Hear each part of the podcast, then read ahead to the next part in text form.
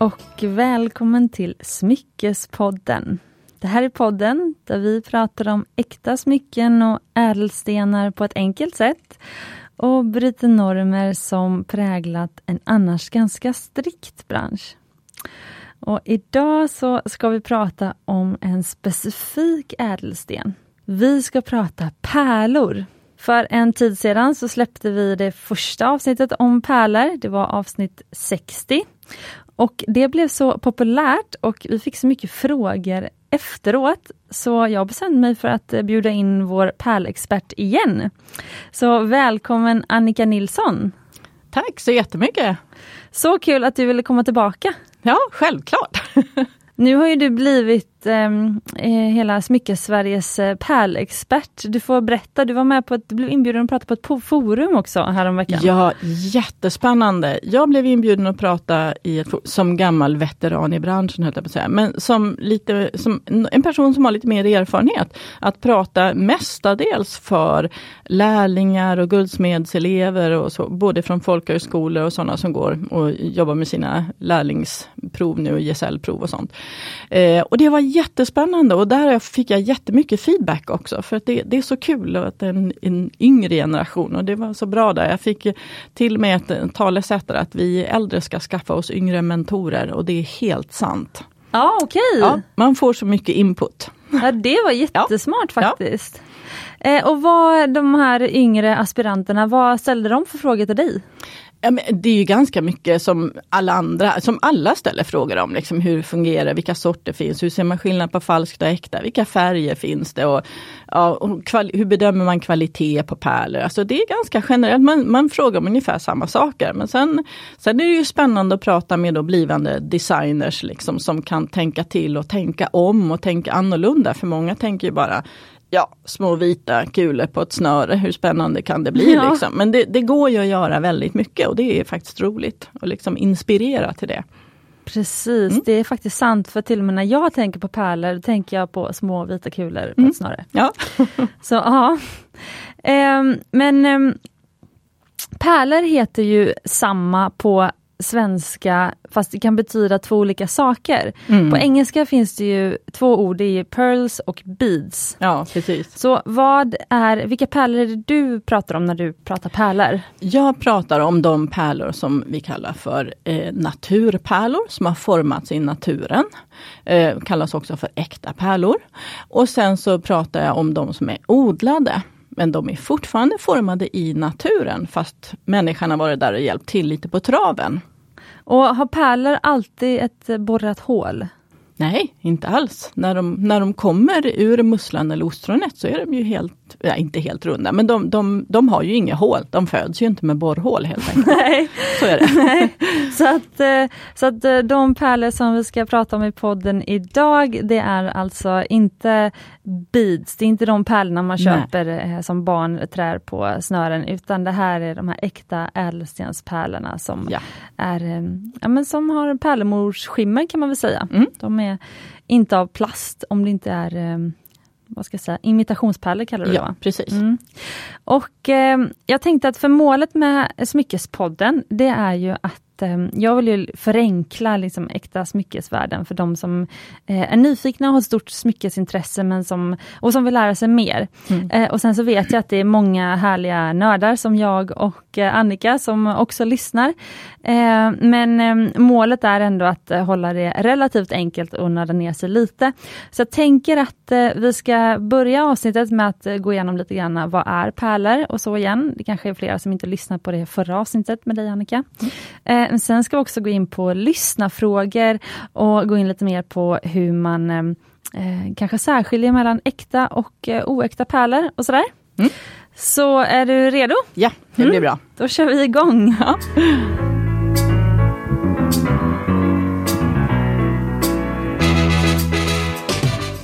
Berätta Annika, för den som lär känna dig nu här idag, eh, vad är det du jobbar med? Jag är utbildad gemmolog alltså ädelstensexpert, precis som eh, Karolina Carolina och Victoria som har varit här tidigare också. Eh, men jag jobbar, ja, dels så jobbar jag som värderingsperson för Svenska Handelskammaren, hjälper folk att värdera deras smycken eller dödsbon och försäkringar och såna här saker, precis som Carolina och de gör. Eh, men sen jag handlar inte med, med de smyckena utan eh, det är bara att jag hjälper folk att värdera helt enkelt. Och sen så jobbar jag och håller kurser, föredrag om pärlor och ädelstenar, lite grann som vi gör här i podden fast vi har större eller mindre eh, publik då. Idag är det väldigt liten publik. Nej den är jättestor, du ja, ser ja, den okay. bara inte. Du ser bara mig. Ja det är klart, så ja. ja, ja. ja. Eh, nej men så det är det jag jobbar med i princip. Ja. ja. Och eh, har, du, har du privat klienter alltså, som vill lära sig mer om pärlor? Absolut, ja. ja. ja. Jag har kurser Eh, så folk kommer till mig och lär sig trä, pärlhalsband ordentligt, alltså med knutar mellan pärlorna och så vidare. Och då får man också en, en dos med, jag älskar att indoktrinera folk om pärlor. Men det här grundbas, liksom, vad är en pärla? Varför gör man knutar mellan pärlorna? Vad ska man tänka på? Det här med hårdhet som vi har pratat om tidigare i podden också här, som är viktigt att tänka på med pärlor, som är en väldigt ömtålig liten diva i sammanhanget med ädelstenar. Sådär. Ehm, så att eh, så man lär sig lite liksom baskunskaper om pärlor och vad man kan titta på och hur man bedömer kvaliteter och vad är en bra pärla och vad är en sämre pärla. För även om det är en, en odlad fin pärla så finns det olika kvalitetsnivåer och prisnivåer naturligtvis. Just det. Mm. Och vem är den typiska privatkunden som kommer till dig skulle du säga? Oj, oj, oj. Jag har allt ifrån 13-14-åringar till 95-96-åringar. Det finns inga, alltså det, ålder kan man ta bort. Det är oftast kvinnor oftast. Men jag har även män, speciellt på webbshoppen så har jag faktiskt ganska många män som, som beställer. Jag vet inte om det är att de är blyga och går in i butiker eller vad det är för någonting. Men, men ja, det är lite roligt. Och sen, eh, nej men sen är det nog att man har, man får upp ögonen för det och när de har varit där så blir de helt frälsta. Jag har väldigt många återkommande kunder för de tycker att de tycker det är så roligt med kunskap också. Ja. Och det är ju så spännande för att de kommer ju tillbaka, de suger i sig och vill ju veta mer mer och när de kom hem så började de titta på sina andra grejer och vill ta med och fråga om. Och det är ju jätteroligt för det är ju det bästa jag vet, liksom, att missionera om det här. Jag har en passion för det med pärlor. De ska inte ligga i en låda, de ska Nej. användas. Ja. Hur många kommer sen hem tror du och säger att de vill bli gemologer? Ja, det är nog tveksamt. Den tröskeln okay. är ganska hög. Men däremot var det flera av de här guldsmedseleverna som faktiskt blev lite nyfikna på att fördjupa sina kunskaper. Och det, och det är ju också jätteroligt, för den kunskapen behövs ju i sammanhang med när man sen ska göra smycken, att lära sig mer om ädelstenar och, och eh, egenskaper som olika ädelstenar har.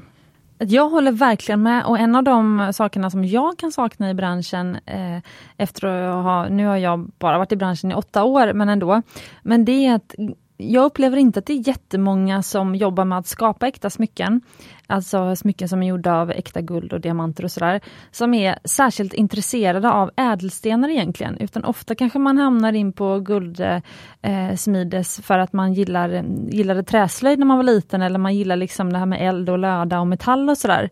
Eh, men man är kanske inte så jättefascinerad eller liksom särskilt ja, nördig inom ädelstenar och jag kan tycka att den kunskapen Ja, det är en sak av de, eller anledningen till att jag driver podden, att jag verkligen vill så, sprida och prata ädelstens, liksom, ädelstens kunskap i, till gemene man. Ja, precis. Och jag tror alltså som som företagare, som, eh, och jag tror det är säkert även så för dig, att alltså jag älskar, ju mer mina kunder vet, desto bättre kunder är de. Ja, exakt. För man frågar inte efter det billigaste, billigaste Nej. och jämför det med det man har i, i dussin varor ute i butiken, utan då vet man lite mer vad man vill ha och våga stå för det och man kan ställa krav inte minst. Och det är jättebra, jag älskar sådana kunder. Exakt. Mm.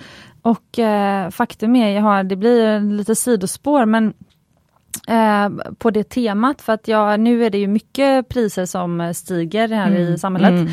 Och eh, så följer jag en, en, en, typ en bondgård på Instagram. Och så det är väldigt unga bönder, de är typ 25 år gamla, ett par med barn, liksom, men de flyttar ut tidigt till den här gården. Och så har de höns och så säljer de ägg. Mm. Och så la de ut en Instagram story igår om att ja, men nu har fodret ökat i pris med 100 mm. till de här hönsen. Och så sa de att eh, om vi ska höja nu, då ska ett lass med våra ägg kosta 100, ja, de, den kostade 135, så om de ska höja motsvarande då 100% så behöver ju lasset med, med ägg kosta 270 kronor. Mm. Och sen så lade de ut nästa story så sa de, men det kan vi inte ta för att vi kommer inte få sålt de äggen Nej. då. Eh, så nu kommer vi höja till 150 kronor bara. Mm. Och det motsvarar, det blev då 5 kronor per ägg istället för 4,50 per ägg. Mm. Och så sa, skrev de att ah, det motsvarar ju inte våra ökade kostnader men vi får helt enkelt leva på lägre marginaler. Mm. Men då kände jag att så här, nu när de har berättat att foderpriset ökat med 100%, allt det här kostar mer, så nu behöver våra ägg kosta 200 kronor lasset. Mm. Det hade de kunnat ta. De har inte bara behövt höja liksom 15 kronor de här... Mm. eh, Nej, nej. Alltså jag kände för att de förklarade ju det så himla bra så jag hade lust att skriva till dem bara Nej, alltså vi kommer fortfarande köpa ägg för nu vet vi ju varför. Mm. Så kunskap gör ju att konsumenten Absolut. vill betala. Mm. Så. Mm. Mm. Ja men så är det.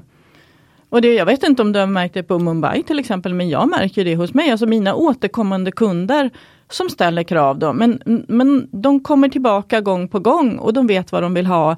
Och de vet vad det kostar och då börjar man inte ifrågasätta, man börjar inte liksom diskutera priset Nej. så mycket. Det är klart att man har en budget som man ska hålla sig till. Men det, det är ju inte huvudsaken, man börjar inte samtalet med Nej, det får bara kosta 350 kronor. Nej. Nej men, utan det blir liksom en annan diskussion, vad ska man ha det till? Är det en present? Är det någon, vem ska ha det?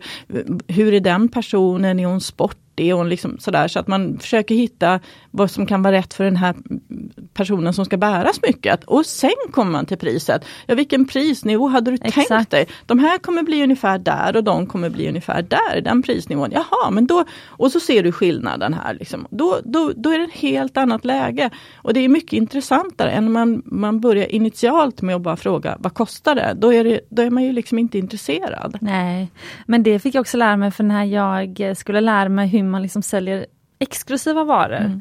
Om man tänker att liksom äkta smycken är väldigt exklusivt. Ehm, och då fick jag lära mig att ehm, alltså priset, en duktig säljare pratar priset allra, allra, allra sist, Mm. om man ens pratar pris. För att kunden har egentligen aldrig en budget. Nej. Och då kan man tänka, ja, vad menas med det? Eh, men den kunden som kommer till dig har- är ju beredd på att liksom lägga, den vet ju ungefär vilket prisband du har. Eh, och eh, om någonting skulle kosta, om ett halsband skulle kosta 3000 kronor eller 8000 kronor, spelar faktiskt egentligen inte någon roll för kunden, för kunden har de pengarna. Mm. Det handlar kanske så här, vad ska man lägga det på istället annars? Man kanske bara får omfördela. Eh, men om kunden har en tillräckligt bra anledning till att så här, just det där halsbandet som råkar kosta 8000, men det vet inte kunden då, för man har inte pratat prisen. Mm. Om kunden har en tillräckligt bra anledning att det är så extremt vackert eller extremt hållbart eller har en specifik historia eller någonting, då kommer de välja det och Ja. inte det för 3000. Mm. Mm. Nej men det händer gång på gång på gång. Ja, det måste du göra. Ja, Ja. absolut. Sen finns det en annan rolig anekdot också och det är det här att eh, ofta, alltså jag, jag, det här är inte statistiskt vederlagt på något sätt, men jag Nej, har men- noterat det i alla Ja. fall. Att det är ganska roligt för när män köper smycken till en mamma, fru, eh, syster, vad det nu är för någonting, så får det gärna kosta lite mer. ja, de vill Eh, lägga pengar. Män lägger mer pengar eh, på smycken än vad kvinnor gör, skulle jag vilja säga. Sådär, alltså när de köper presenter. Alltså de, de tycker, och då tittar de på mina priser och säger, är det inte dyrare? Ja. typ så här, jo men då, vi kan gå på dyrare pärl. Men det är också faktiskt där, jag börjar inte med att prata budget utan jag tar fram någonting som jag tycker är vackert. Och ofta kanske jag till och med känner den här damen i fråga för att de har puffat männen i rätt riktning så att säga.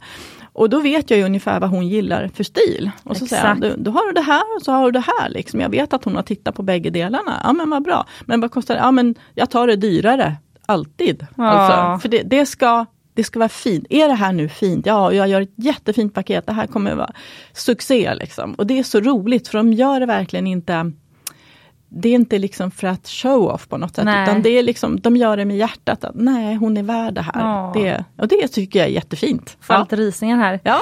Men det är så roligt för att jag, vi får också den frågan ofta av killar som är så här, eh, hur kommer det en fin förpackning? Mm.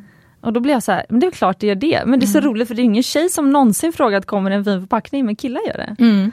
Så det är lite roligt faktiskt. Ja men jag tror de vill inte hålla på att slå in och snören och så. Det är jättejobbigt och så ska det se snyggt Ah, ut. det är liksom. det, det är ja. hela, hela det där fluff och sil silkespapper du vet. Ah. Så här. Det, ja, det, är- ja, fint. Ja, Så. det är sant. Mm. Eh, men det är ju roligt också för jag tänker på det Egentligen så hatar vi ju alla, eller hatar, men vi tycker inte att det är det roligaste ämnet att prata pengar och plånbok. Nej. Sådär. Eh, kanske prata om andras pengar och plånböcker men inte Mm. våra egna. Så att det blir en mycket roligare stund tillsammans med dig då att titta Mm. på pärlor om man liksom inte pratar pengar. Men om du skulle direkt bara, ah, vad är din budget? Ah, det här är inom din budget och så budget i varenda mening. Mm. Det är ju skittråkigt än bara, du jag ska bara visa dig nu de här Mm. magiska pärlorna. Absolut. Ja. Mm, Okej, Ja. men eh, nu hamnar vi på massa sidospår men det var härligt. Det är kul med Eh, ekonomi också. ja. Och jag börjar spinna loss på massa, men vi ska inte glida in på det spåret nu med ekonomi. Mm. Ehm, men vi kan väl börja med, för de då som inte lyssnat på förra avsnittet med dig, Mm. eh, hur bildas pärlor? Jo, Mm. och då är det ju många som har hört den här skrönan, så- eller på att säga, men då. men myten om att det är ett litet sandkorn som bildar pärlan Ja. inuti. Det, alltså det, pärlor bildas i musslor och ostron. Ostron finns ute i haven, saltvatten, alltså i haven. Och musslor finns i floder, älvar, insjöar. Och sen har vi den här blåmusslan som finns lite upp längs med västkusten, men det är ju liksom bräckvatten där ändå, så det är inte riktigt ute i haven. Men i princip kan man säga musslor i sötvatten, ostron i saltvatten. Och det finns pärlor i alla de här typerna, inte i, i alla sorter som finns, men säg att det är utav eh, 3000 arter så finns det kanske 180 som producerar pärlor. Bland annat våran svenska pärl, eh, blåmusslan. Vi har den svenska pärlflodmusslan uppe i Norrlandsälvarna. Den är fridlyst så den får man inte plocka upp. Eh, I Skottland har man också pärlfloder med pärlflodmusslan. Den är eh, fridlyst där också men man har certifierade pärldykare som får ta upp. Så det är vissa bara eh, guldsmedsbutiker som får sälja den skotska pärlan. Och sen, eh, ja men man kan hitta även i ostron ifrån eh, Bretagne, ifrån alltså, Belgien. och Alltså, det, det finns lite här och var där man minst anar det. Det är många som ringer och frågar mig, mejlar och frågar, skickar bilder och säger Den här hittade jag när jag åt en blåmussla eller åt ostron. Liksom. Oj. Ja men det kan nog vara, men då är de ju typ en halv millimeter och sådär. Kan det vara en pärla? Ja men den är väldigt, väldigt liten. Svårborrad. Är det så att små musslor och ostron ger små pärlor? Eh, ja, det beror ju på hur lång tid det här, att pärlan bildas, det beror ju på att det kommer in någonting som irriterar djuret. Det kommer in någonting som skaver innanför skalet. Skalet är ju skyddet som djuret har. Och när den ligger nere i sandbotten och, och lite halvöppen och filtrerar vatten som med näringsämnen, så kan det komma, slinka in någonting. Och då har man ju sagt att det är ett sandkorn som kommer in. Men de här lever ju i sandbotten, så det måste till någonting mer än bara ett sandkorn som kommer in och irriterat. För det ligger ju liksom en tesked inne i varje sån här som man får skölja ur. Det ska vara en fiende som kommer in. Ja det ska vara alltså en, en parasit till exempel Ah. som är inne som klänger sig fast liksom på ett annat sätt. Och det känner de ju av att det här är inte bra, det är någonting, det, det är en inkräktare helt enkelt. Då börjar de, att, som försvarsmekanism då, så de har ju inga tentakler eller någonting de kan peta bort det här som irriterar. Utan då börjar de kapsla in det här som kommer in och irriterar och som skaver. För det är ju bara mjukdelar inuti det här djuret. Då börjar den kapsla in det här som kommer in med det enda som den kan producera själv och det är ju pärlemor. Det som de har byggt upp sitt eget skal av. För de bygger ju sitt eget skal. Det är inte som eremitkräftorna som snor skal från andra utan de bygger sitt eget skal. Och då eh, kapslar de in med samma material alltså. Och det är egentligen kristallmaterial. Det är aragonit och kalcit och sen är det lite bindväv emellan där som håller ihop det. Så Och det är det som är pärlemor? det är det som är pärlemor, eller pärlsubstans som man också kallar det för när det sitter runt pärlan. Då. Men det är samma material. Så då blir det ju till exempel när man tittar på en pärla så har ju pärlan samma färg som värddjuret som man kallar det för. För det är ju därifrån färgen kommer. Färgen kommer ju med, med det material som det här djuret gör. Alltså man kan enkelt. se på musslans skal vilken färg Ja. mus, eh, pärlan har. Ja, eller som det kommer bli i just den här musslan eller ostronet. Så tahitipärlor då som var de här mörka pärlorna, Mm. mörkblågrå, de kommer alltså från blågrå musslor. Ja, mörka. De, är alltså, Mm. de skalen är väldigt mörka inuti. Häftigt. Mm. För det som är häftigt då är att då kan man ju se om man, om man skär en pärla genomskärning, Mm. Eh, då kan man ju se hur gammal pärlan är för att den har då, eller hur länge eh, liksom hur lång tid det tog för pärlan Mm. att bildas Man eh, tänker så här, i de här ja, lag... Ja, för det blir alltså pärlan i sig blir ungefär som man tänker en, en lök. Ja, just det. Tunna, tunna, tunna skikt med pärlemor. de här med pärlemorlagren. Och pärlemorlagren eftersom det är kristallmaterial så lägger de sig som små tunna skivor lite grann omlott, som ett gammaldags skiffertak ungefär. Mm. Så det är inte som en tjock slät smet bara över utan det lägger sig som tunna, tunna skikt hela vägen och så bygger det på lager för lager för lager. Och ju längre tiden får ligga i musslan eller ostronet och vara i fred där inne, så, så bygger den på. För varje år så byggs det på lite grann, men vi pratar om 0,3 millimeter och sådär. Så det, det tar ju väldigt lång tid för att det ska bli en pärla överhuvudtaget. Spännande. Och vad är då en äkta pärla och vad är inte en äkta pärla? Mm, en äkta pärla är ju då en pärla som har som har bildats naturligt ute i naturen av en ren slump, alltså att det har kommit in en liten parasit eller något Mm. sånt. Så den bildats naturligt och det är väldigt, väldigt sällsynt. Så Mm. sedan förra sekelskiftet så har man ju odlat pärlor. Och jag kan säga det att i princip allting som vi ser ute i guldsmedsbutiker idag är odlade pärlor. Sen kan det vara både sötvatten och saltvatten, men det är odlade pärlor. På auktioner så kan man hitta då naturpärlor. Som man ofta kommer de ner från arabiska halvön kallas det för orientpärlor. Det är de här lite mindre vita, benvita pärlorna. Eller de här svenska flodpärlorna till exempel. Dyker upp lite då och då på auktioner. Men odlade pärlor, då har man, för det kommer jag ihåg att du sa förra gången, då har man eh, samlat ihop ett gäng musslor och så har vi människor alltså injicerat en pärlemorbit i varje mussla och så sen, alltså vi har eh, vad heter det, fejkat den här processen. Ja, nästan. Ja. Om vi börjar med den här, för det första så är det ju väldigt, alltså, omst- det, det är väldigt tidskrävande att bara leta efter ostronen Ja. ute på havets botten. Var man, he- nu finns det ju ostronbankar men man ska i alla fall ner och leta upp dem. Det är ju steg ett. Så då har man gjort det enkelt, för man samlar in eh, ostron när de är på yngelstadiet. Mm. Så då, då är de frisimmande yngel, som små, små pyttesmå fiskyngel, eller vad man ska säga, ungefär så. Så då hovar man in dem i det stadiet och tar in dem i tankar, för då vet man ju var de finns någonstans, då behöver man inte leta efter dem. Sen låter man dem växa upp, så de börjar bilda, efter ett tag så börjar de bilda sitt eget skal och sjunker ner till botten. Och de blir större och större och då sätter man dem i nät, som man sen sätter ut i havsvikarna, där de får sköta sig som de brukar göra i naturen. Så att de filtrerar näringsämnen ute i havsvikarna helt enkelt. De behöver inte någonting annat. Men det enda är att man tar upp och kontrollerar så att ingen har, så att det sprids sjukdomar eller att det växer på med för mycket alger eller att det har hänt någonting annat med, med de här nätkassarna. Så så man, man, man pysslar om dem ganska mycket när de hänger där ute. Och sen när de har blivit tillräckligt stora, och det är lite olika beroende på vilken pärltyp man tittar på, för de har lite olika storlekar. Men när det är en vuxen storlek för just det här ostronet, då tar man upp dem och så väldigt, väldigt försiktigt så tar man med sterila instrument, eh, skalpell och pincett och gör ett litet snitt i, i, inne i vävnaden på djuret. Man öppnar upp dem försiktigt utan att bryta muskeln. Så, för man vill ju att den ska, bryter man muskeln så har man ju dödat djuret. Utan man öppnar upp den försiktigt, försiktigt, en, en, ja, 5-6 millimeter någonting bara. Och så sätter man in en liten pärlemorkula i ett litet snitt som man gör in i djuret. Och det pärlemor, det är ju alltså någonting som det här djuret känner igen. Sen har man också med en liten bit, alltså det, det är en hundradels millimeter utav någon liten eh, remsa med celler, tillväxtceller ifrån ett annat djur. Och de här tillväxtcellerna sitter eh, nu blir det väldigt komplicerat, men det är mantelvävnaden, den yttre vävnaden på ostronet. Om man har ätit blåmusslor någon gång så kan man ha sett det sitter som en liten brun taggig kant, som, som ett blixtlås ungefär runt hela. Det är det som ligger längst ut i, i skalet och det är där tillväxtcellerna sitter. Så att man tar en liten snutt utav det och lägger in tillsammans med pärlemorkulan.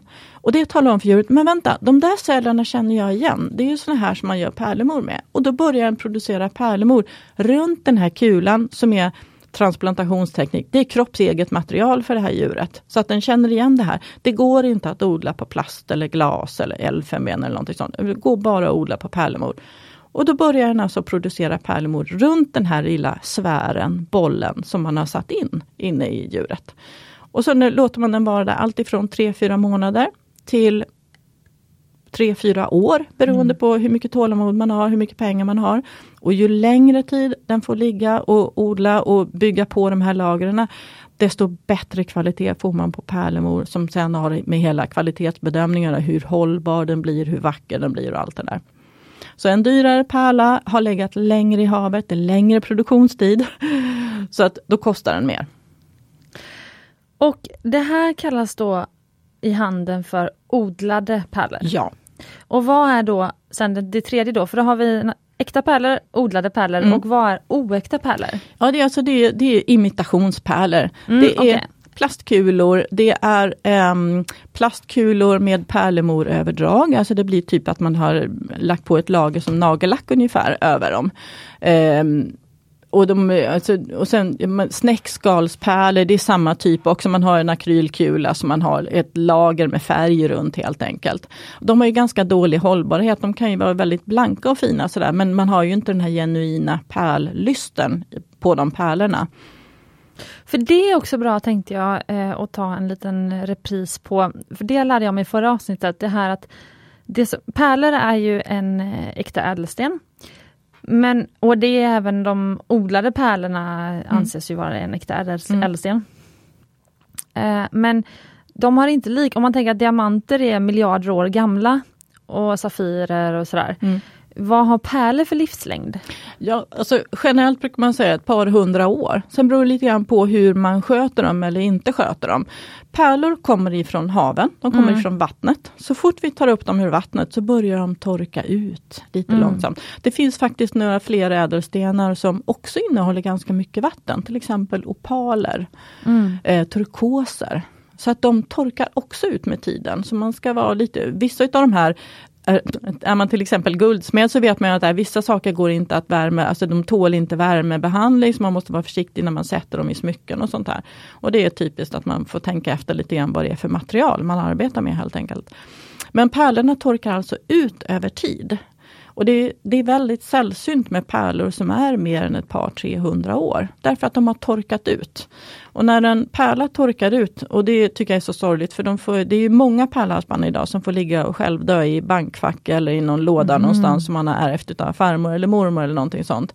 Jättefina pärlor men som bara blir helt bortglömda. Och de trivs allra bäst runt halsen, för där får de komma ut i luften, det finns fukt i luften och framförallt så avsöndrar vi lite fukt hela tiden mot huden. Så att det mår pärlorna bara bra av. Så det är där de ska vara hela tiden.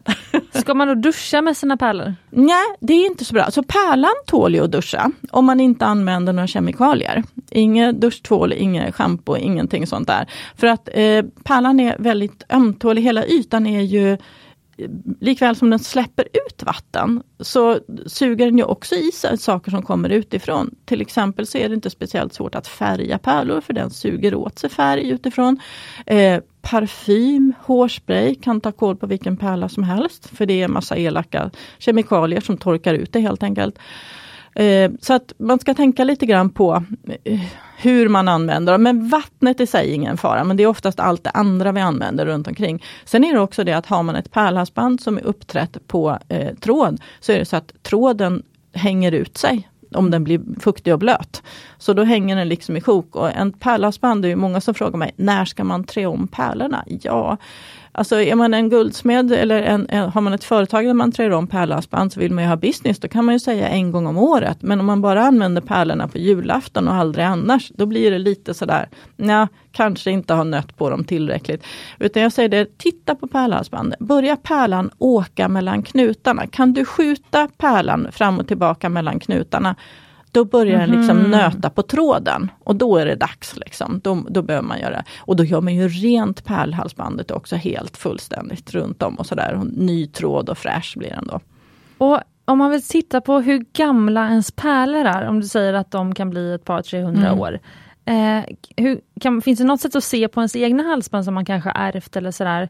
Eh, hur gammalt är det här eller liksom bör det här bytas ut snart? Eller? Nej, egentligen inte. Det man kan se det på det är ju att väldigt kära ägodelar blir ju använda mm. Till min stora glädje då. Och då är det ofta så att om man tar det här klassiska pärlhalsbandet som mormor eller farmor kanske hade, som är doserat, det här att man har lite större pärlor mitt fram och pyttesmå bak vid låset.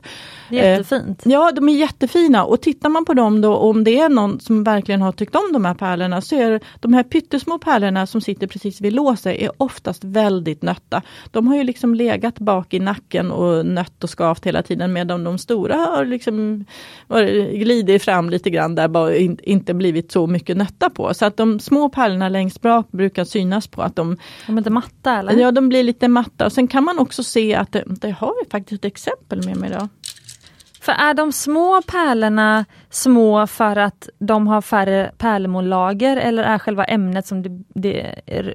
Lag... Det, ja, det är ämnet som det hänger på. Och just ah, att okay. de var så populära, om vi säger 40, 50, 60-talet, det var ju då den stora förra pärlboomen var det var ju att eh, man hade ju inte tillgång till så mycket. Det fanns ju inte den här volymen med pärlor som det finns idag. Idag kan man välja att man ska ha alla jämnstora eller att man vill ha dem doserade.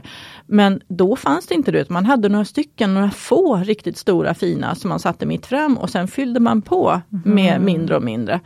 Och sen idag så kan man tänka också om man vill ha jättestora pärlor för att man tycker att det är häftigt, så kan det vara ganska bekvämt när man ska bära dem längre, att man har, går ner någon millimeter. Till exempel om jag har alltså 13-14 millimeter mitt fram.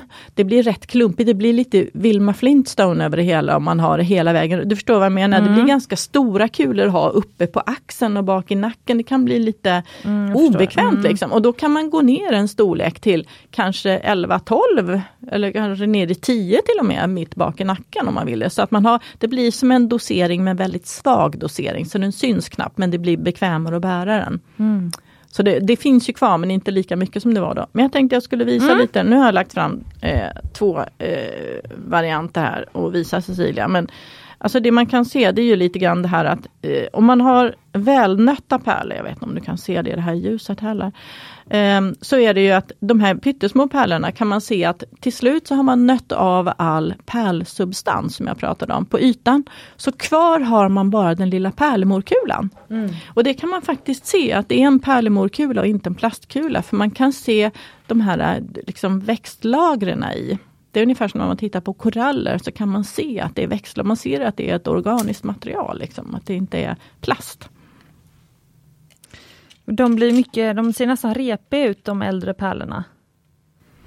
Ja precis, alltså de, de blir ju lite matta och trötta ja. och lite, lite, smutsiga och lite sådär. Men eh, framförallt så det, det man ser ju på att pärlsubstansen är mycket tunnare och då finns det ju inget, finns ingen lyster kvar, för det finns ingen pärlsubstans kvar där på de här små pärlorna som är nernötta.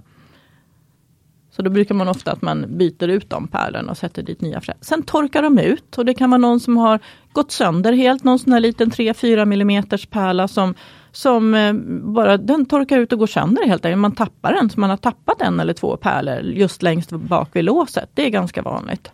Och då får man byta ut och pilla in nya. Och det brukar vara lite speciellt. Det är lite knepigt. Så jag brukar jaga pärlhalsband på auktioner för då hittar man ungefär samma tidsepok, så ungefär lika gamla pärlor som man kan plocka reservdelar av. Det är som veteranbilar liksom. Precis. Ja. jag håller faktiskt på att titta på lyssnarfrågor nu. Mm. Herregud, tiden springer iväg. Mm. Eh, jag tycker att eh, du förklarar det väldigt bra måste jag säga. Eh, jag satt lite som eh, så för häxan när du berättade liksom hur pärlorna kom till och det där. Så att, eh, det var väldigt kul faktiskt. Mm. Jag tänkte på eh, att det är en tjej som frågat om Tahiti-pärlor. För att det har lite med det du sa förut, om de får färgen genom ostronet undrar hon. Vad är det som gör dem så exklusiva och så vidare.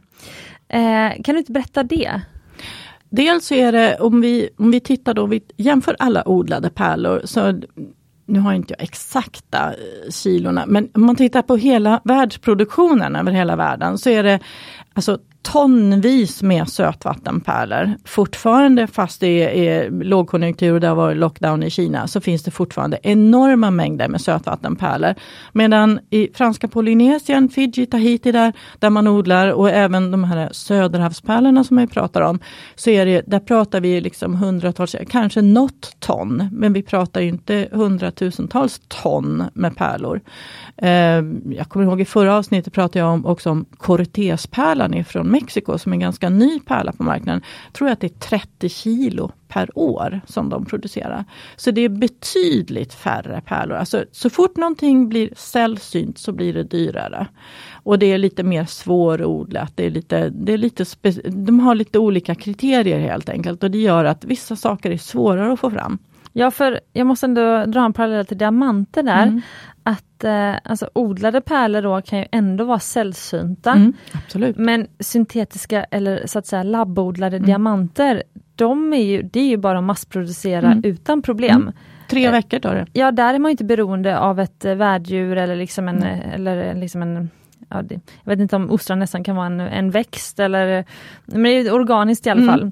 Eh, så att det är en intressant grej tycker jag i, i pärlan just att även de odlade faktiskt kan vara exklusiva ädelstenar. Mm, absolut.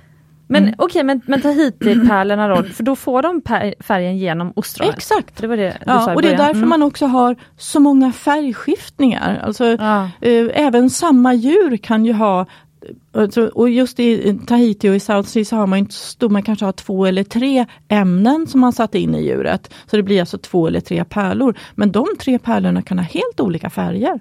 Ja, för att färgskiftningen i skalet... Ja, färgskiftningen i skalet är så annorlunda. Ofta är de ljusare ner mot där muskeln sitter vid gångjärnet så att säga. Och sen blir de mörkare och mörkare ut mot kanterna. Så det beror på var ämnet sitter och just vilka celler som sätter igång och producerar. Och det går inte att styra.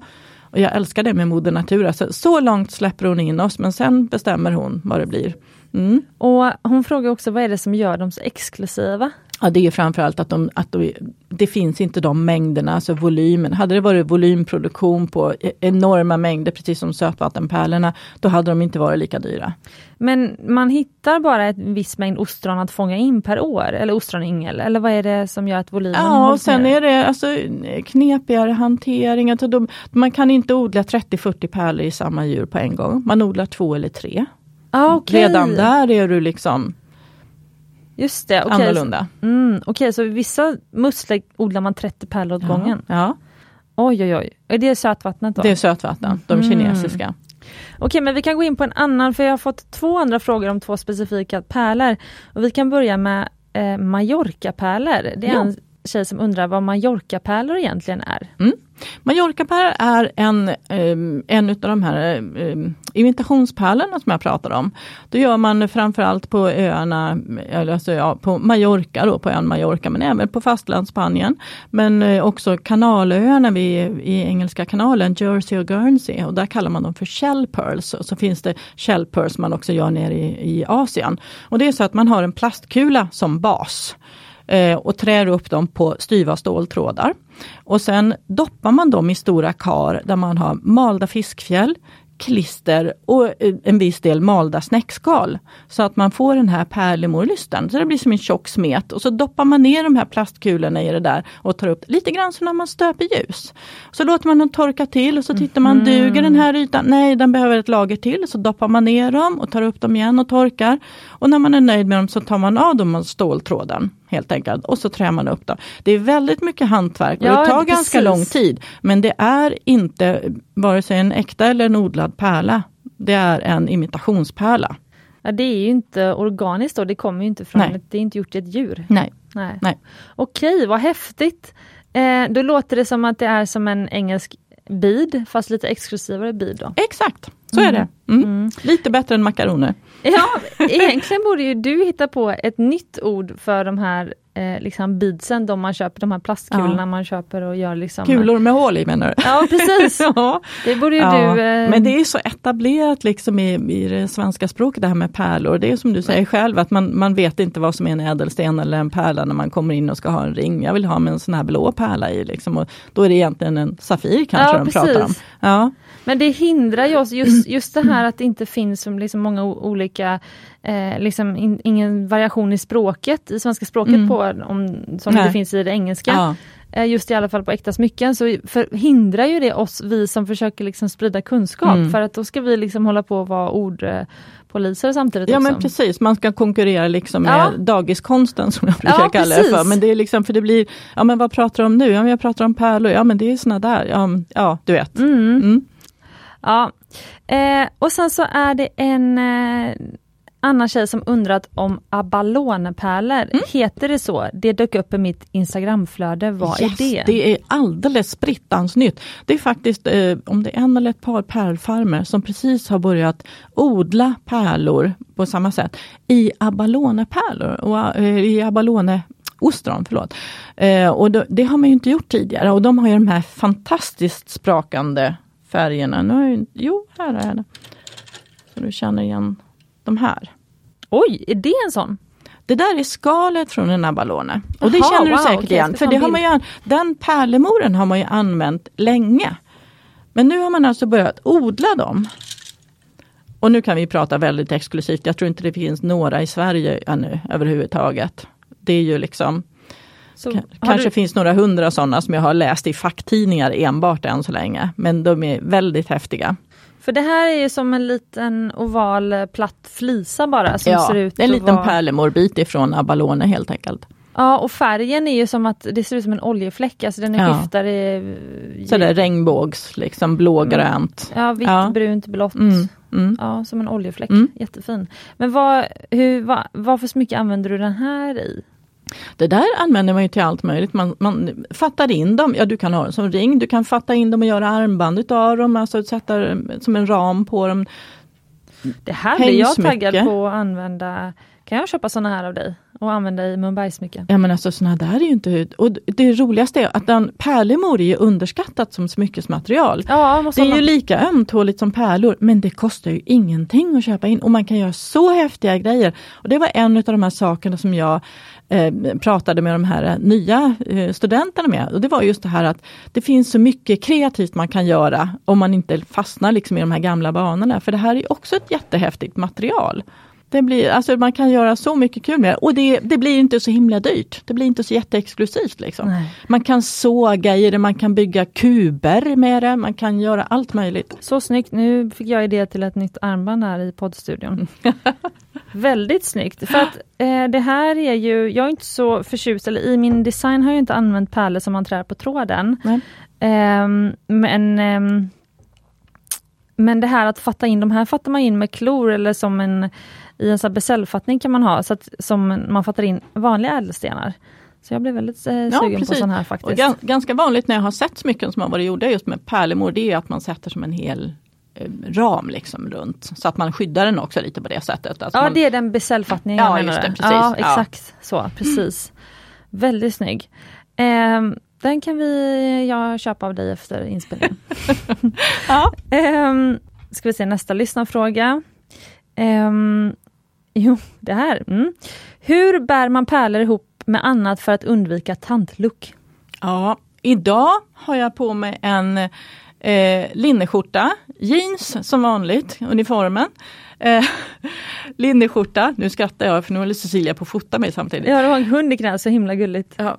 Eh, linneskjorta och så två långa, eh, faktiskt lite silvergrå halsband. Ett som är sötvattenpärlor och ett som är japanska saltvattenpärlor. Mm. Och just att ha dem lite längre då, inte tantkorta. Sen skulle man kunna ha någon guldkedja med någon liten pärldroppe i halsen till det här. Vi pratar layering igen här, eller stacking som Cecilia säger, men när vi pratar lite, mer layering runt halsen. Då. Nej men alltså att man, man tänker så. Och framför allt det som jag eh, har tänkt på, det är det här att eh, bryt de här mönstren med att du, du, har det bara till fint. Alltså mormors gamla fina vita, det har jag bara på bröllop och så gick jag på någon bal och då hade jag det. Men alltså eh, Tänk om, ha det till vardags. Jeans och t-shirt på sommaren när man är solbränd. Det är så tufft med vita pärlor. Det är så häftigt. Jag håller nog med faktiskt, för att jag skulle säga att om du ska gå på riktigt fin fest mm och så tar du på den här pärlsmycken. Alltså man blir 30 år äldre på en gång. Ja, jag tror nog alla blir det, ja, precis. Ja. Eh, så snarare det här om du har jeansshorts och mm. Birkenstock, mm. kör pärlhalsband ja, då på det. Det är Miami liksom, det är så häftigt. Nej men alltså tänka lite så, och även, även alla kanske inte är så, alla kanske inte är så jeansiga, men att man försöker tänka lite tvärtom. Alltså att bära pärlorna till vardags, så att man tar udden av det där bara till fint. Liksom. Ja. Utan att ha dem på jobbet, ha dem liksom, och jag brukar säga speciellt där bad hair day när man känner för sjutton, man, man lyfter efter sig själv lite eh, med att sätta på sig pärlorna. Det är kul. Ja men precis, alltså kontraster. Alltså, jag tänker bad hair day, då tänker jag det är då man sätter upp håret i en Hästsvans. knut. Ja. Ja, hästsvans Mm. eller knut på Mm. huvudet. Eh, och, och då kan man ju köra pärlhalsband till Mm. det. För Mm. även kanske utsläppt hår faktiskt kanske också gör så att det blir fint på fint. Mm. Men jag måste säga när jag tittar på dig nu då, Mm. du har utsläppt hår. Mm. Men jag tänker på, du har en väldigt ledig lös sån här, ja men typ Lexington-skjorta, Mm. jag vet inte om det är Lexington, men det är en sån här ljus... Ja, eh, linneskjorta. Ja, slapp Ja. ja. linneskjorta liksom, väldigt fint. Och sen har du dina långa pärlhalsband, har du ju utanpå, typ som man har en slips fast alltså Mm. Ja. utanpå kragen. Ja. Och så har du lite uppknäppt skjorta. Det där ser ju väldigt avslappnat och somrigt ut. Mm. Men som att du gjort det lite fin. Hade du inte haft pärlhalsbanden Nej. till det, då hade du... Jag har sett slafsig ut. Ja för nu känner jag att du har gjort det lite fint för Ja. att träffa mig här i poddstudion. Absolut. Ja. Fast det är ändå avslappnat liksom. Ja, ja. Lite somrigt sådär. Ja, Liksom. Jo men så är det ju. stil. Ja, nej men det, det, det är väldigt mycket så. Sen måste man hitta sin egen stil. Mm. Det är jätteviktigt. Liksom. Vad känner jag mig bekväm i? Kan jag stå för det här? Liksom. Man ska inte klä ut sig, det är inte meningen. Men sen ett annat tips som jag också kan ge, det är en del lyckliga människor har ju fått ärva både en och två och kanske fått någon studentpresent som är vita pärlor. Och så står man, men vad ska jag göra med det här? Sätt på det allt på en gång. Det är jättecool. Alltså det blir ju liksom Coco Chanel. Då tar man också udden av det här finstämpeln, damstämpeln. Liksom att det blir liksom en, en trave, gärna med lite olika längder på. Ha dem tillsammans, det är jättetufft alltså. Så att det, det är också sån här, att ha dem inte en och en. The, the more the merrier. Liksom. Det, För det är faktiskt en annan lyssnarfråga. Mm. Eh, hon har skrivit, eh, bör man bära odlade pärlhalsband, alltså då äkta, Mm. eller alltså här Mm. naturmaterialet Mm. pärla i alla fall, eh, utan att ha andra halsband samtidigt. Till exempel vitguldskedja. Mm. Jo, helt rätt. Alltså, nu säger jag att man ska ha dem på varandra. Det är ju så här att knutarna som man har på pärlhalsband har man ju för att de små pärlorna inte ska nöta mot varandra. Mm. Så så pippliga är de ju. Så när jag säger att man ska bunta ihop dem så är det lite, eh, lite vulgärt. Men alltså det, jag tycker beroende på om man inte har såna här jättedyra antika saker så kan man ju få leka lite. Det är bättre att de blir burna än att man ska liksom vara jätteförsiktig hela tiden. Vad man däremot ska tänka på, om man vill ha kedjor, många har ju någon kedja med någon liten minnessaak som man alltid, alltid, alltid har på sig. En liten berlock och det kan vara någon minnessaak eller ett litet diamanthjärta eller någonting. Ja men fine, ha det, men se till att pärlorna då är lite kortare eller lite längre. Så att de inte ligger precis på. Pärlorna kommer att nöta bak i nacken där de ligger emot. Alltså guld och silver är mycket hårdare än pärlor. Så där det ligger mot varandra bak i nacken så kommer det att nötas. Men återigen, ja, det, då får man tänka efter. Ska jag ha det alltid ligga i lådan för att jag inte vågar använda det? Eller ska jag hänga på med det? Mm. Mm. Alltså det är väl lite grann som jag tänker om man har en eh, favorittröja som kan Mm. vara värd väldigt mycket för en själv bara för Mm. just att det är ens favorittröja. Mm. Eh, den använder man ju fastän att man vet att den kommer till slut slitas ut. Ja. Alltså så. Mm. Mm. Eh, sen kanske jag har ju sparat några av mina absoluta favoriter. Typ jag har ett par älsklings älsklingspumps som jag absolut inte kan använda längre. Men de har jag inte hjärta att slänga så de ligger någonstans där bak. ja. Du får ha dem i bokhyllan. ja, men de har jag verkligen slitit ut sådär. Ja. Så någonstans, men det är ju kärlek i det med. Ja, absolut. Och det bästa är om man, om man har älskat att använt något så mycket att man slitit ut Mm. dem, oavsett om det är på pumps eller ett pärlhalsband. Mm.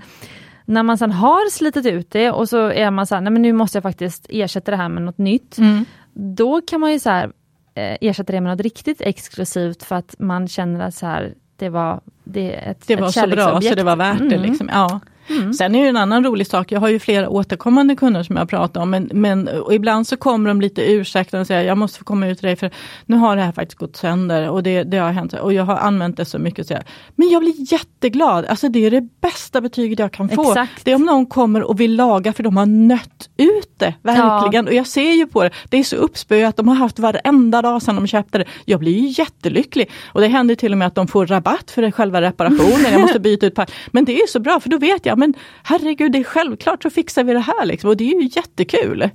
Ja. Jag är väl lite knäpp men alltså, då, jag tycker att man ska inte komma in och skämmas liksom för att man har nött ut det. Det är ju Nej. tvärtom, jag Ja. ju jättelycklig. Så det är ju helt rätt. Men om man bara ska ha ett pärlsmycke, Mm. vilket tycker du då att det ska vara? Oj, det är så svårt. Jag tänkte på det här om man är örhängestjej eller vad man är för någonting. Men om man vill smyga igång lite, om man är liksom om man är hardcore smyckeanvändare eller om man är jätteförsiktig, mm. en sån här eh, tonårs eh, fotbollstjej som aldrig har någonting. En, en klassiker är ju alltid en liten pärldroppe i halsen. Fint. Alltid lika fint. Alltid. Det är vardag och fest liksom. Eh, man är, känner sig inte överklädd och det är liksom inte, det, det blir inte fel. Det är liksom ett safe bet. Eh, sen brukar jag säga det, alltid små vita pluppar i öronen. I mm. någon form, men riktiga pärlor. Eh, det är också jättefint. En klassiker. Alltid något att, vet man inte vad man ska ha på sig. Det är ju sånt här som tänka på till exempel om man ska, en sån här tråkig sak som att gå på en begravning. Vad har man, för, man vill ju inte ha någonting speciellt. Men, men vita pärlor är liksom är sobert. Det kan man faktiskt ja. ha på en begravning också. Utan man har inte klätt upp Och sig. Och på bröllop. Ja exakt. Det, liksom, det funkar ju alltid utan ja. att det blir liksom för mycket också. Mm.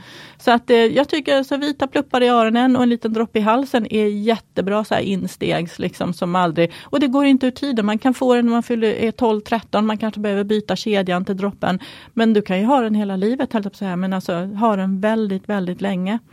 Men när du säger droppe, menar du en droppformad pärla? Mm. Mm. Hur formas de? I... Ja det är naturens rö. Man för in en rund kula som när man odlar. Men helt plötsligt bestämmer sig mm, ostronet för att nej men den här ska få en annan form. Aha. Det blir lite droppformad istället. Okej, vad häftigt. Men om man, om man ska börja med att skapa sig en samling av pärlsmycken. Till exempel, jag äger faktiskt ingen... Ehm, ja, nu plockar du fram lite, pär, lite droppar här. Ah, okej, ja, men jag, de var jättesöta. Lite knöggliga droppar, de var söta. Um, jag fick ett pärlhalsband, jag tror det var konfirmation, men det försvann någon gång för länge sedan. Så jag har ju faktiskt inget, inget pärlsmycke alls. Vad tycker du att jag ska börja med? Är det något av de två då eller är det något annat? Ja det beror alldeles på. Du är ju ganska van att bära smycken. Ja. Men du bär inte speciellt mycket stora saker. Nej det är utom, för dyrt. Utom dagens stack som du har på, på, ja, ja, på ena handen. Tre största. Jag var jätteimponerad. Ja. Tre största solitärringar på ett finger, det var lite coolt faktiskt. Men de är ju eh, det är, det är mörkgrön turmalin, knallrosa safir mm. och ljusgul heliodor, så det är inte tre stora diamanter. Nej, utan Nej, det är som jättefint. en liten eh, sommarbukett. Nej men alltså det, jag tycker man ska gå till sin egen personlighet. Vem är man? Vad vill man uttrycka? Det är ju som kläder eller vad som helst. Är jag stor och, och väldigt eh, utåtriktad och eh, sådär och jag vill att det ska synas och då kan man ta i lite grann. Då kan man köra några större, större pärlor, färger, blanda hejvilt, vara lite galen liksom. Eh, är man den mer klassiska, lite sobert, och, då, då ska man kanske hålla sig till en, ja, en liten eh, vit pärlrad eller eh, busa till det med att göra göra lite doserad, man kan göra doserad på flera ställen över pärlraden så det blir som ett vågmönster till exempel. Ja, det, är det, är det klassiska pärlhalsbandet men med lite twist liksom. Uh, och då har man ändå inte mm, gått överstyr med att vara kreativ. Liksom. Så det beror alldeles på vem man är som person. Det är sant. Mm. Men är det så att pärlor har fått ett uppsving tycker du? Jag upplever i alla fall att många unga vill bära, bära pärlor nu. Absolut. Alltså jag håller på i 20 år och det blir bara fler och fler och fler. Och varje år så skriver modetidningen att och nu i år så är det en pärlvåg. Yes, tänker jag, vad kul! Men det, det har ju varit, det var, ofta kommer det så här på våren om det är att det är bröllopsreportage eller vad det är. Men det, det kommer ofta pärlor och pärlsmycken så där på, på vårkanten och sen över sommaren och så. Men, alltså jag tycker pärlor är ju för året runt bruk, absolut. Det är ingenting som man har bara på sommaren. Det är väldigt snyggt när man är solbränd och sådär. Framförallt så tror jag att det är vi skandinaver, eller kanske svenskar då, alltså, vi är så påklädda på vintern.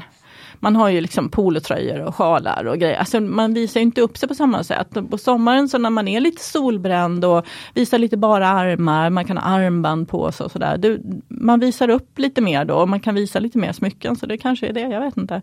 Jag har ju pärlor året runt. Ja, ja, ja, ja. Men jag tycker också vadå en svart polo och ett pärlhalsband utanpå. Tänkte de här på en svart polo, det är ju jättecool. Exakt. eh, men jag vet inte om du har sett det, men alltså det är ju en del så kända män som bär pärlor. Mm. Eh, till exempel Harry Styles, jag vet Mm. inte om du vet Mm. någon mer som... Ja men, Carl ifrån Kaplan Ja, som var det, här exakt, tidigare. ja, exakt. Jättecool! Han hade ju en snygg brosch också med pärlor på och det var ju orientpärlor i broschen. Ja, jättefint. Ja, nej, men jag tycker det är jättetufft. Det är lite grann, jag brukar jämföra det med en man, som, eller man, kille då, som, som kan bära pärlor. Det är lite grann som eh, en man som med eh, berått mod går ut och går en promenad med en chihuahua. Ja, Alltså, då är man så maskulin så man kan stå för det. Liksom. det man har inga problem med det. Och jag tycker det är så häftigt. Och många tycker att det är väldigt tufft också. Eh, och då de här som du nämnde, de har ju liksom vita pärlhalsband. Men man kan, om man vill jag ska inte säga att man ska bara fega lite, men om man har ett insteg där, det är ju faktiskt att ha en sån här mörk tahitipärla på en läderrem runt eh, Oj, armleden. Det är ju jättecool alltså. Bra idé. Ja, eller ha liksom en mörk tahitipärla i halsen på en läderrem. Det, man måste ta i, man måste vara lite mer maskulin liksom för att det inte ska bli fjolligt. Sådär. Men, men det är jättesnyggt. Faktiskt. Och det är Ja. ganska vanligt utomlands men det är så typiskt, vi är så försiktiga här uppe i, i Norden. Liksom. Även med herrsmycken tror jag. Det är mycket guldkedjor och sådär, klockor. Men, ja men det var mm. ju några som blev helt förskräckta. De sa till mig efter de lyssnat på avsnittet med Tobias från Georg Jensen mm. som var här för några veckor sedan. Eh, och han bar ju inte ett enda smycke. Nej. Han jobbar ju med att sälja smycken Ja. men eh, han bär dem inte själv. Eh, och då tyckte de att men herregud hur kan man eh, jobba med smycken och inte bära smycken. Eh, men eh, varför tror du att det fortfarande är så att så många män fortfarande inte liksom vill bära smycken? Jag vet inte. Ibland så beror det ju på yrket. Om man är hantverkare så de vill ju inte ens ha vigselringar på sig till Nej. exempel. Utan har en kedja runt halsen eller någonting sånt. Men å andra sidan de som bär, ta de här som bär kedjor. Alltså det, det är ju större och tyngre ju, ju bättre och bättre liksom. Så att, tror att det är, det är väl precis som när vi kvinnor bär smycken. Antingen så gör man det eller så gör man det. Man känner sig inte bekväm med det. Och sen, vet jag, sen kan man ju också ändra de här små fotbollstjejerna som kommer till mig med de första små stiften i öronen. De kommer tillbaka efter fem sex år och så ska de ta studenten. Och då är det all in vita pärlor runt halsen och alla, hela familjen som är med blir helt chockerade. Jaha, vill du ha det där? Japp, nu är det dags. Liksom. Det, och det är så kul för man ändrar ju sin personliga smak också över Ja. tid. Och kanske lite grann med vad man blir van vid att se ute på stan också. Ser man aldrig män som bär smycken, då blir man ju lite så här, mm, så. Men ju fler som bär det, det tycker man att det är helt naturligt. Så lite grann där, just det, tänk på chihuahuan. Man kan stå upp för sin manlighet liksom, att det sitter inte i det liksom. Och din lilla chihuahua i knät, alltså hon ligger och sover nu med ta ena tassen och huvudet på eh, bordet. Ja. Det är väldigt gulligt. Hon är van att vara med. Ja, så himla söt. Ja. Mm. Ja men vad kul! Men du har ju, vi har några minuter kvar innan Mm. vi måste runda av och lämna studion. Ehm, men du har ju med dig lite här, är det något som du känner så här, det här vill jag verkligen prata om för att det fick jag inte chans att prata om förra gången eller så här, det har du fått frågor om eller något sånt där? Lite grann, men jag kom på bara, jag satt liksom och lyssnade igenom vad pratade vi egentligen om förra gången, för det är så himla trevligt så man har ju ingen struktur på någonting och det är jättehärligt för det blir väldigt spontant. Men det var att eh, jag började prata om de här kriterierna som man har för att, att bedöma pärlor. Ja, och där kom det. vi någonstans till punkt tre eller något sånt. Ja, och det var bara kriterier. Ja, precis. Och nu har jag faktiskt skrivit upp dem så jag har lite mer koll på vad jag ska prata om här. Det, man, det första som man tittar på med pärlor, det är ju faktiskt storleken. Och då är det ju så att eftersom det finns, jag tror jag pratade om det förra gången också, vi har väldigt många olika typer av pärlor. Vi har de japanska, lite mindre, runda, vita, fina elfenbensvita pärlorna. Sen har vi de här stora, Tahiti, söderhavspärlorna. Och sen har vi de här sötvattenpärlorna. Och alla de här har ju liksom sin bedömningsgrad. Va? Så man kan inte jämföra dem med varandra utan man får tänka på vad det är. eh, Jag jämför Akoya-pärlor, alltså de japanska pärlorna med andra japanska pärlor. Eller jag jämför Tahiti med Tahiti-pärlor. Så jag kan inte jämföra sötvattenpärlor med Tahiti-pärlor. Det blir liksom fel. Ja, det Så man, bra. det är steg ett som man måste tänka på. Och sen tittar man på storleken. Vad är normalstorlek för den här typen av pärla? Eh, är den här extra stor eller är den en pytte, pytteliten? Ibland ibland blir pärlorna dyrare, oftast blir de dyrare för att de är större. Men eh, lika ofta så blir de dyrare för att eh, till exempel Tahitipärlor har ofta varit ganska stora, alltså 8, 9, 10 millimeter. Nu börjar man odla fram mindre Tahitipärlor, neråt 6, 5, 6, 7 millimeter. Då blir de dyrare, för de är mm. ovanligare. Så att det är Häftigt. lite sådär, ja man, det händer saker i branschen som är lite svårt att förklara. Men storleken tittar man på. Eh, oftast är det ju större desto dyrare. Eh, sen tittar man på lysten och det har vi pratat om. Kvaliteten på pärlsubstansen runt pärlan. Den ska ha en fin yta som är det tredje kriteriet. Då. Den ska vara, ytan ska vara liksom fläckfri. Man vill ha så rund och slät yta som möjligt. Nu är det väldigt vanligt att man har det som kallas för cirklingar, att man har ett litet spår som går runt, som den är svarvad till exempel. Det är vanligare på Tahiti och söderhavspärlor till exempel. Nej förlåt, Tahiti och sötvattenpärlor eh, än sö söderhavspärlor och japanska har aldrig det överhuvudtaget.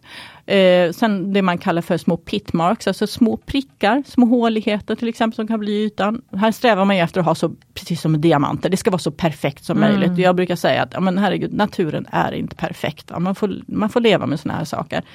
Så det är det ena. Det är, eh, och sen så tittar man på färgen. Det är nummer fyra. Nu är vi på nummer fem faktiskt. Storlek, lyster, yta, nej färg, fyra. Fyra. Eh, färgen och där är det dels så hänger det ihop lite grann med vilken marknad man är på. Jag vet att i Asien är de här guldfärgade mycket populärare. Eh, medan här är det mera svårsålt. Man kan sälja på ett, att det är exklusivt och annorlunda men det är inte lika vanligt. Alltså den gula färgtonen är inte lika intressant för oss bleka skandinaver där vi gillar vitt och blått och rosa och så, de färgtonerna. Sen tittar man på formen. Eh, och då tittar man på ju rundare en pärla är, desto mer perfekt är den. Alltså dyrare. Så ju mm. rundare form man har, desto dyrare blir den. Och där har vi återigen en sån här motsägelsefull sak att vissa barocka pärlor blir knasdyra för att de är barocka, alltså helt konstig form på helt plötsligt. Så då har man stigit av från det. Men det är återigen det där därför att den barocka formen är då ovanligare. Mm. Så det är svårare att få tag på helt enkelt. Eftersom man inte kan styra produktionen mer än till viss del så, så vet man inte vad man får när man skördar. Ehm, och sen tittar man på de, eh, de två sista här då, det är pärlemor, alltså hur beskaffenheten på pärlor, är den är det ett tjockt lager? Är, är den väldigt tunn så man kan se eh, pärlan, alltså pärlemorkulan inuti. Jag brukar lägga upp en pärlrad på, framför mig och sen så ska jag se om jag lyckas göra det här. De där hade jag med förra gången. Där mm. den ena är lite, liksom, lite mjölkig och den andra är lite eh, blankare. De har lite olika form, men det behöver man inte bry sig om. Men här tittar man ju på den här som är lite mera kalkig i ytan alltså har ju inte lika fin lyster. Den har ju tunnare pärlsubstans än den andra som har bättre lyster, som har en tjockare pärlsubstans. Kan man också titta, om man tittar med lupp så kan man se det nere i borrhålen. För då ser man ju kanten. Var är kulan inuti som man odlar på och vad är pärlsubstansen. Mm. Och sen det sista, inte minst viktiga, det är när man tittar på hela pärlsträngen som oftast är 40 cm. Då tittar man på alla pärlorna. Hur väl har man matchat det? Alltså hur väl har man hittat ja. syskon till dem. Och det är, om man köper billiga pärlor kan man ofta se det här, att de skiljer lite i färg, skiljer lite i storlek, skiljer lite i form. Det är lite hipp och happ. Liksom. Det kan vara jättecharmigt i sig, men då är det inte jättedyra pärlor. Hittar man en perfekt pärlrad med runda, de har otrolig lyster, alltså då ser man ju direkt att det, wow, det är Rolls Royce hela vägen och de är perfekt matchade allihopa. Så det är, det är det sista kriteriet som man tittar på. Gud vad kul! Alltså jag känner att jag har lärt mig så mycket i det här avsnittet. Det mm. var jätteroligt tycker jag. Det blev lite repetition men jag tror att det var mycket så här som jag, jag fick en chans att förtydliga lite också. Jag, alltså vi bluddrar iväg så mycket men det är jättekul. Ja, men jag känner nog Kul med tittarfrågorna också. Ja men det var nog mycket också mitt fel förra gången att eh, det blev eh, rörigt eller nu för sig, jag har inte fått tillbaka mm, någon respons på mm. att det var rörigt. Men både du och jag kände ju nog att det var rörigt. Mm. Men, eh, men men, nej, men jag fick ju snarare massa lyssnarkommentarer om mm. att åh vilket bra avsnitt och åh vad härligt och åh vad jag lärde mig mycket och sådär. Eh, men jag kände herregud vad nu har jag, nu har det börjat sätta sig det här, var bra med repetition för, mm. för min del. Ja, ja. Ja men det, det, tar tid. Och sen som jag brukar säga, så, gå ut och titta på pärlor. Titta på pärlor hos guldsmeder och på marknader och vad som helst. Så kommer ni liksom pusselbit för pusselbit kommer liksom ramla på plats och ni börjar förstå. Ja, ja, ja, men det här var det hon pratade om. Matchningen på pärlsträngen. Ja, man kan köpa billiga pärlor i Kina, men titta hur de ser ut. Liksom. Det, ja, så. Man mm. lär sig. ja, vad kul. Eh, men jag tycker så här, jag tycker vi eh, avslutar nu för att nu måste vi ifrån studion. Eh, men att jag säger det till er lyssnare att eh, om ni vill ha mer pärlor så bjuder jag gärna in Annika i podden igen. Det känns som att det här är ett ämne som alltid är aktuellt. Och pärlor är ett av våra mest älskade äkta smycken, får man ju säga. Mm. Eh, och eh, Annika, om man vill veta mer just nu då, hur kommer man i kontakt med dig? Eh, jag har Instagram-konton och Facebook-konton. Så att det, jag tror att vi gjorde så sist att du la upp dem där också. ja, jag brukar tagga. Ja, precis. Och sen finns jag, min hemsida är pirum.se. Och det var jätteroligt förra gången. Det var flera som hörde av sig och det får ni mm. jättegärna göra med DM på Instagram och allt möjligt sånt. Speciellt tack till Karin i Uddevalla. Ja, kul!